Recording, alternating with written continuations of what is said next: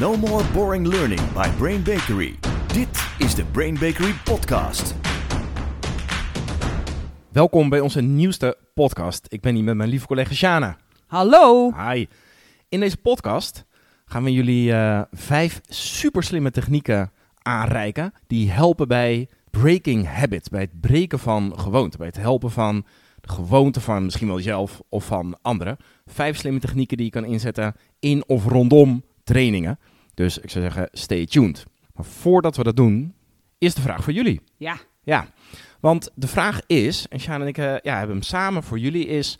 Stel dat wij willen weten waar jij als luisteraar over, nou, wat zullen we doen, vijf jaar staat in het Ja, leven. Waar Ja? ben je dan? Ja, Wat is gelukt? Ja. ja, wat heb je gerealiseerd? En eh, we gaan daarvoor naar twee verschillende dingen kijken. Wat we zo willen weten is, zou je kiezen voor A of zou je kiezen voor B? Ja. En, Want we willen weten wat voorspelt het meeste waar jij over vijf jaar bent. juist. Je kunt hem ook anders stellen van oké, je hebt een bepaald voornemen, een bepaald iets wat je wilt bereiken. Je wil een boek schrijven, je wil een bepaalde training verkopen of ontwikkelen. Je wil een stap maken en een L&D professional stijgen. Je wil, weet ik veel, je wil iets bereiken. En wij mogen naar twee dingen kijken. Welke van die twee is dan de grootste voorspeller of het jou lukt? En optie A, dat is, ik ga met jou zitten, ik ga jou interviewen en ik ga jou vragen naar, naar je wensen, naar je dromen, naar, naar wat je echt belangrijk vindt in het leven, naar die ideeën die je hebt over welke veranderingen je allemaal zou willen realiseren en eventueel hoe je dat zou willen doen. Dus ik ga heel veel uitvragen over, over hoe jij dat ziet gebeuren. Ja, wat zijn je voornemens? Wat vind je belangrijk? Waarom wil je het eigenlijk? Daar gaan we het over hebben. Juist, dat is optie A.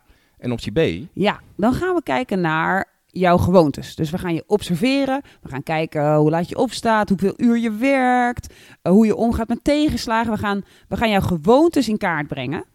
En vervolgens mogen we dan kiezen tussen optie A en B. Gaan we, wat is er voorspelbaarder over waar jij over vijf jaar staat of over een project van jou slaagt? Is dat B, je gewoontes? Of A, je hoop, je dromen, je voornemens? neem het eh, antwoord in gedachten. Hier komt het antwoord wat de meeste voorspelbare, voorspellende kracht heeft. En het antwoord hierop is B. Helaas, ja, als je gaat kijken naar voornemens, dan is de voorspelbare waarde van voornemens echt bijna nihil. Terwijl de voorspelbare waarde van je gewoontes, van hoe je het altijd al doet, dat is zoveel groter. Eh, en die komt bijna altijd uit. Dat betekent dat, even een Engelse quote, we don't rise to the level of our hopes, but we fall to the level of our habits. Dat waar onze habits zijn, dat maakt wat we gaan doen. Dat Juist. is voorspelbaar. Nou, wij als mensen die houden van leren, die bezig zijn met leren en ontwikkelen, of je nou zelf een trainer bent, een inkoper van trainer, of op welke manier je er ook mee te maken hebt, volgens mij is waar we altijd mee bezig zijn, is het aanpassen van ja, de gewoonten, van de habits van onze deelnemers, misschien wel van de managers van de deelnemers, maar je bent altijd bezig met gewoonten aan te passen. Als je het tenminste goed doet. Want er zijn ook heel veel mensen in trainingen en leeractiviteiten en online bezig met je heel veel inzichten te geven. Maar die inzichten, als die niet zo krachtig, zo transformatief zijn dat ze je gewoontes aanpassen, dan heb je daarna echt een hele hoofd Ja. vol met prachtige ideeën. Maar de kans dat er iets mee gebeurt is vrij klein, omdat je gewoontes niet veranderd zijn. Goed, dus het gaat er bij ons om, als trainers en dan learning and development eh, experts, dat wij in staat zijn om te zorgen dat onze deelnemers hun gedrag veranderen. Niet alleen inzicht hebben, maar echt beter, sneller, eh, veiliger gaan werken doordat ze hun gewoontes aanpassen. Maar gewoontes zijn best lastige dingen om aan te passen. Heel lastig. Ja. JP, vertel ons eens even, neem ons eens even mee in waarom is gewoontes veranderen voor human beings zo ontzettend moeilijk? Ja, dat antwoord zit in onze hersenen. Onze hersenen maken elke keer als wij iets leren, als wij iets doen, maken die een verbinding aan. Ja. Doen wij één keer iets in het leven, is dat een hele zwakke verbinding. Doen we iets heel vaak, is dat een hele sterke verbinding. Dus als wij een gewoonte hebben, een habit, zit er een hele sterke, krachtige verbinding in onze hersenen achter. Juist. Als je die gewoonte wilt verbreken, dat is wel interessant. Je kunt de, de gewoonte die er al is, die kun je niet wissen. Precies. Je kunt niet iets wat een baantje is geworden in je hersenen, dat kun je niet wissen. Nee. Je kan niet wissen in je hersenen. Het, het is een soort iets groeit aan elkaar vast en je kan niet een soort het laten ontgroeien. Nee. Het enige wat je kunt doen is een lekkerder alternatief daarnaast leggen. Misschien kunnen we het vergelijken met wegen. Hè? Als, een- als je een gewoonte hebt, dan is dat als het ware een soort A2 geworden. Een vijfbaans snelweg. Heerlijk. Heerlijk aantrekkelijk. Hij is glad, hij is mooi. We denken ook even de snelheidsbeperkingen, denken we gewoon weg. Ja, je Hij kunt ligt- op cruise control. Juist, je kunt gewoon gaan.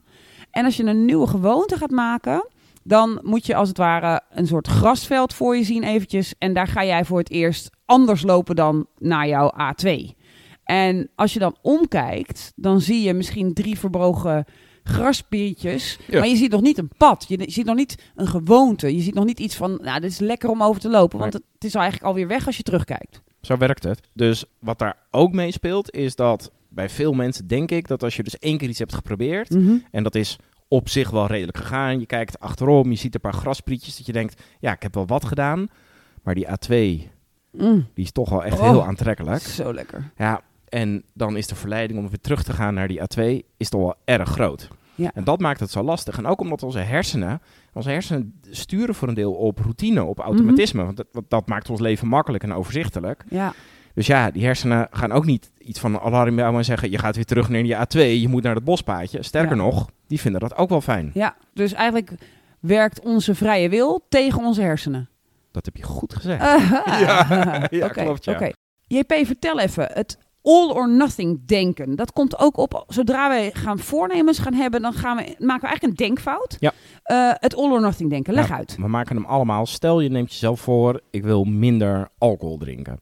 Nou, wat veel mensen doen is, is ja, een domme denkfout maken. Namelijk, ik ga bijvoorbeeld een maand lang niets meer drinken. Mhm. Nou, en dat is niet slim, dat is dom, omdat de kans dat je dat redt, de kans is klein. De kans dat je fout maakt ergens in die maand is aanwezig. En dan raak je teleurgesteld en je hersenen gaan weer terug naar je oude gewoonte. Wat veel slimmer is om te denken, is om bijvoorbeeld te zeggen: ik ga een maand lang, eh, die vier weken, ga ik één of twee dagen waarop ik normaal zou drinken, ga ik niet drinken. Of ga ik in ieder geval veel minder drinken. In plaats van ik ga het gelijk radicaal aanpakken, is het slimmer om kleine stapjes te nemen. Want de kans dat dat lukt, dat je dat volhoudt, dat je daarmee succes boekt en dus tegen jezelf zegt: ik kan dit volhouden, is veel groter. Mm. Oké, dus all or nothing is een... Eigenlijk, we willen iets veranderen in onze hersenen. En onze eigen hersenen doen een soort trucage waardoor we denken... "Ah, ik moet ook gelijk, gelijk Ja, radicaal. gelijk alles. Alles. Ja, En dat gaat niet. ja, een nieuwe A2, die moet er morgen liggen. Ja, Lukt natuurlijk Good niet. luck. Ja. Alright, laten we even teruggaan naar de wereld van leren en ontwikkelen van training. Ja, heel goed. Want eh, je wilt natuurlijk dat als je een traject doet of een training doet, wil je dat mensen hun gewoontes veranderen. We weten nu dat het heel moeilijk is om dat te doen. Laten we dat eens even naar die trainingswereld eh, brengen. Ja, daarbij is het wel belangrijk dat, eh, want we hebben dus inderdaad vijf technieken voor je. Eh, die technieken kun je soms in de training toepassen, maar wat denk ik vaak nog wel slimmer is, is om de training te zien als onderdeel van een, nou, ik noem het maar als een ecosysteem. Als je wilt dat er iets verandert in een afdeling, in een team, in een organisatie, probeer dan je training als onderdeel te zien van een groter geheel, waarbij je dus ook een aantal technieken buiten je trainingstraject kunt inrichten, kunt organiseren, die de verandering van gewoonten juist ondersteunen. Juist. Nou, zullen we ze maar eens eh, langs gaan? Ja, begin Ja. maar met nummer 1. Nummer 1 is de techniek, die noemen we de sociale vergelijking.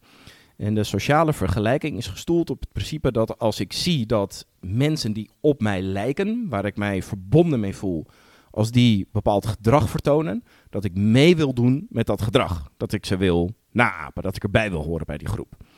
Nou, daar, eh, Dat doet iedereen. Iedereen heeft dat in zijn hersenen zitten. Als wij anderen waar ik op wil lijken Ja. iets zien doen, willen we meedoen.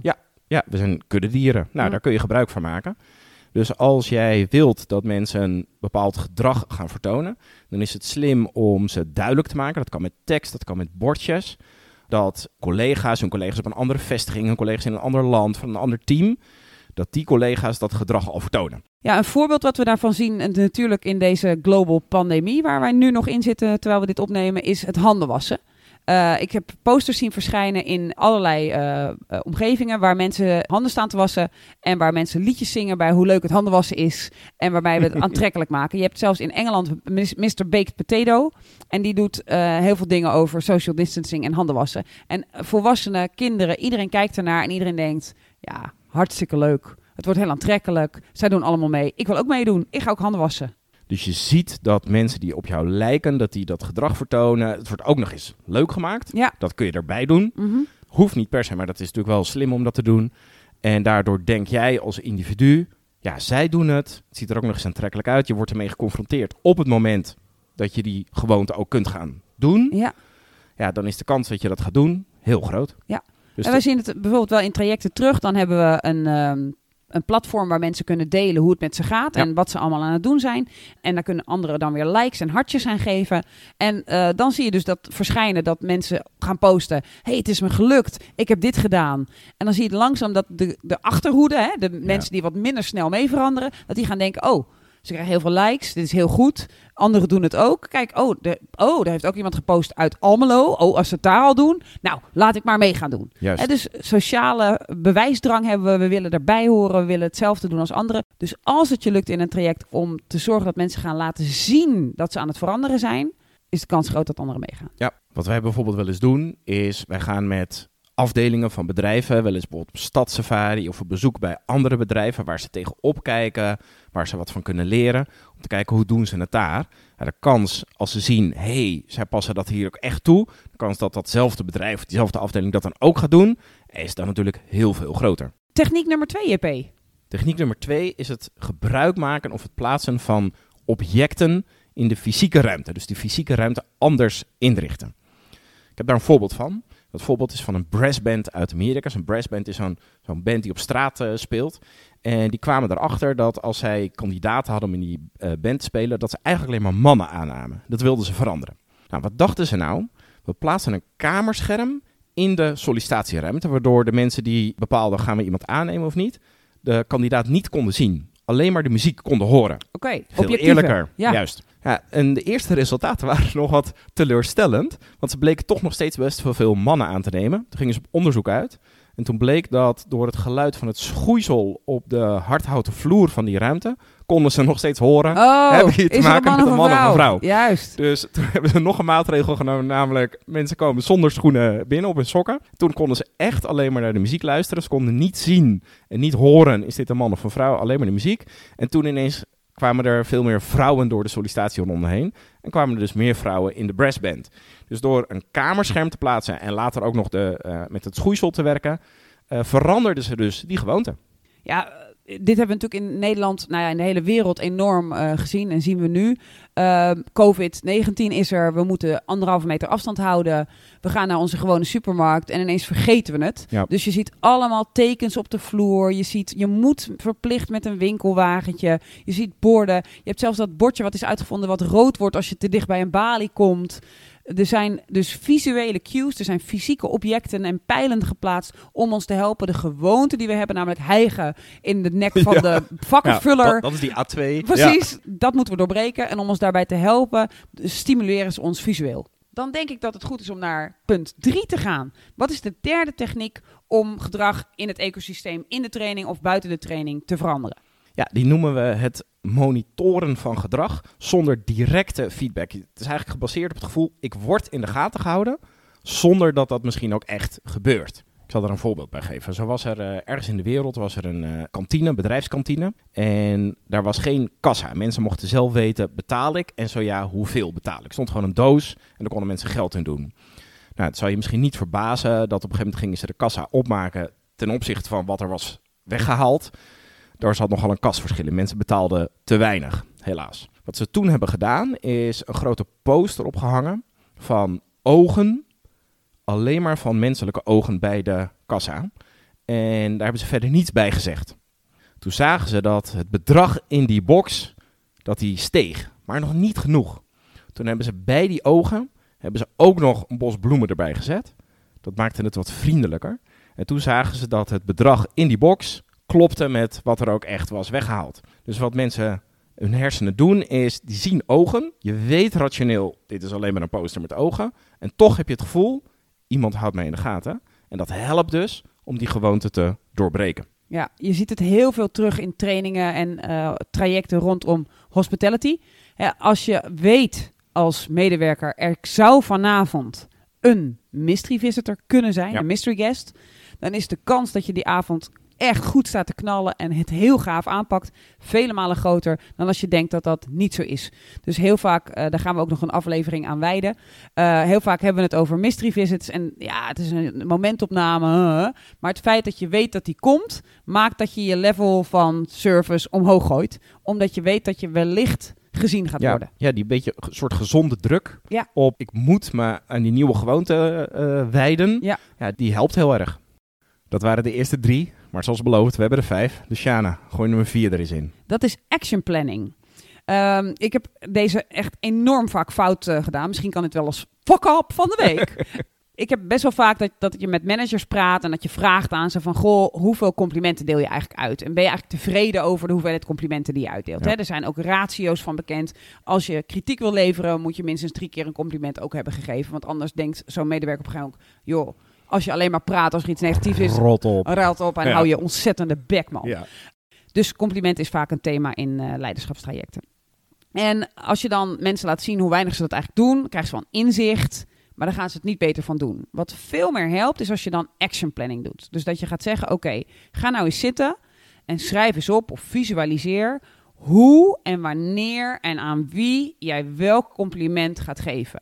Dus hoe ga je zorgen dat je het je herinnert? Zie jezelf eens door de gang lopen en om je heen kijken. Zie jezelf dan tegen iemand zeggen: waar zullen we eens even gaan zitten? Neem hem eens even mee naar een kantoor en zeg: ik wil je echt even iets zeggen wat echt long overdue is, want jij bent al maanden dit en dit aan het doen en ik vind dat onwijs te gek aan jou. Dus wat je gaat doen is je gaat vragen aan degene die dat voornemen heeft om dat gedrag te veranderen, om dat helemaal van A tot Z te visualiseren. Misschien ga je zelfs al in je auto een soort eh, visuele stimulus, compliment ergens ophangen, zodat je ziet dat je zelf in die auto zit, dat je dat post-itje ziet waar dat op staat, zodat als je uitstapt, dat je niet in de waan van de dag zit, maar dat je jezelf eraan herinnerd hebt. Jij zit nu gewoon deze techniek te combineren met eh, de vorige, met Zo, fysieke objecten. man, Dat eh, doe je slim. joh. En voor de luisteraars, want wat we inderdaad bijvoorbeeld in leiderschapstrajecten, niet, niet van ons, maar in leiderschapstrajecten zien we vaak dat bijvoorbeeld managers een soort jaarplan moeten maken, een ontwikkelplan. Hè, dat is dan, eh, daar staat dan bijvoorbeeld in, ik wil meer complimenten gaan geven. Dat is niet wat jij hier bedoelt. Hè? Je Nee. bedoelt het veel visueler, veel gedetailleerder. Ik bedoel echt het doorleven van hoe ga ik dat dan doen? Ja. Wat, gaat, wat gaat er 's ochtends allemaal al met mij gebeuren? Waardoor tegen de tijd dat ik op kantoor ben of tegen de tijd dat ik in mijn derde Zoom-call ben, ben vergeten dat ik dat commitment heb. Juist. Eh, dus dat doorleven daarvan, het voor je zien, het weten wat er gebeurt, gaat maken dat het waarschijnlijker is dat je het ook doet. Dus voor de L&D'ers die luisteren, die denken, ik wil dit gaan eh, toepassen.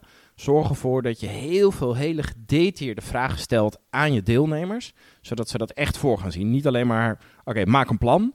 Maar hele vragen, zodat ze het voorzien. Tijden, dagen, momenten, ruimtes, mensen, namen, nummers.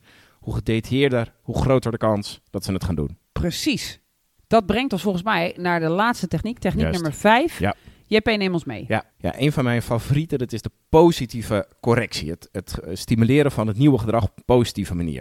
Er een heel leuk voorbeeld van, die even buiten de wereld van L&D is. Dat was in een Scandinavisch land, er was er een plek en er werd flink te hard gereden met de auto's. Eh, er stond natuurlijk een flitspaal, die gaf boetes, maar dat hielp niet erg. Dus wat ze hebben gedaan, ze hebben die flitspaal zo ingesteld dat iedereen geflitst werd, alle kentekens. Alle auto's, alle kentekens die zich aan de snelheid hielden, die werden dus ook geregistreerd, maar die kwamen in een box terecht en die konden meedoen met een loterij. De mensen die zich niet aan de snelheid hielden, werden uiteraard ook geflitst en die kregen wel een boete.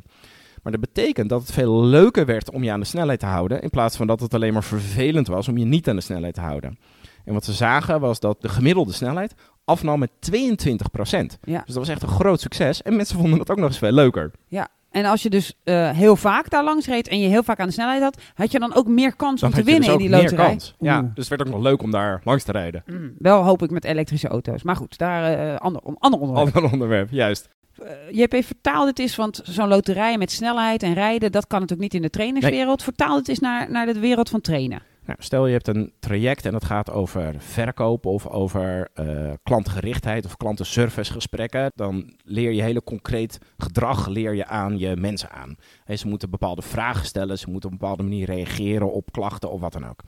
Wat je zou kunnen doen is bijvoorbeeld weer de loterij.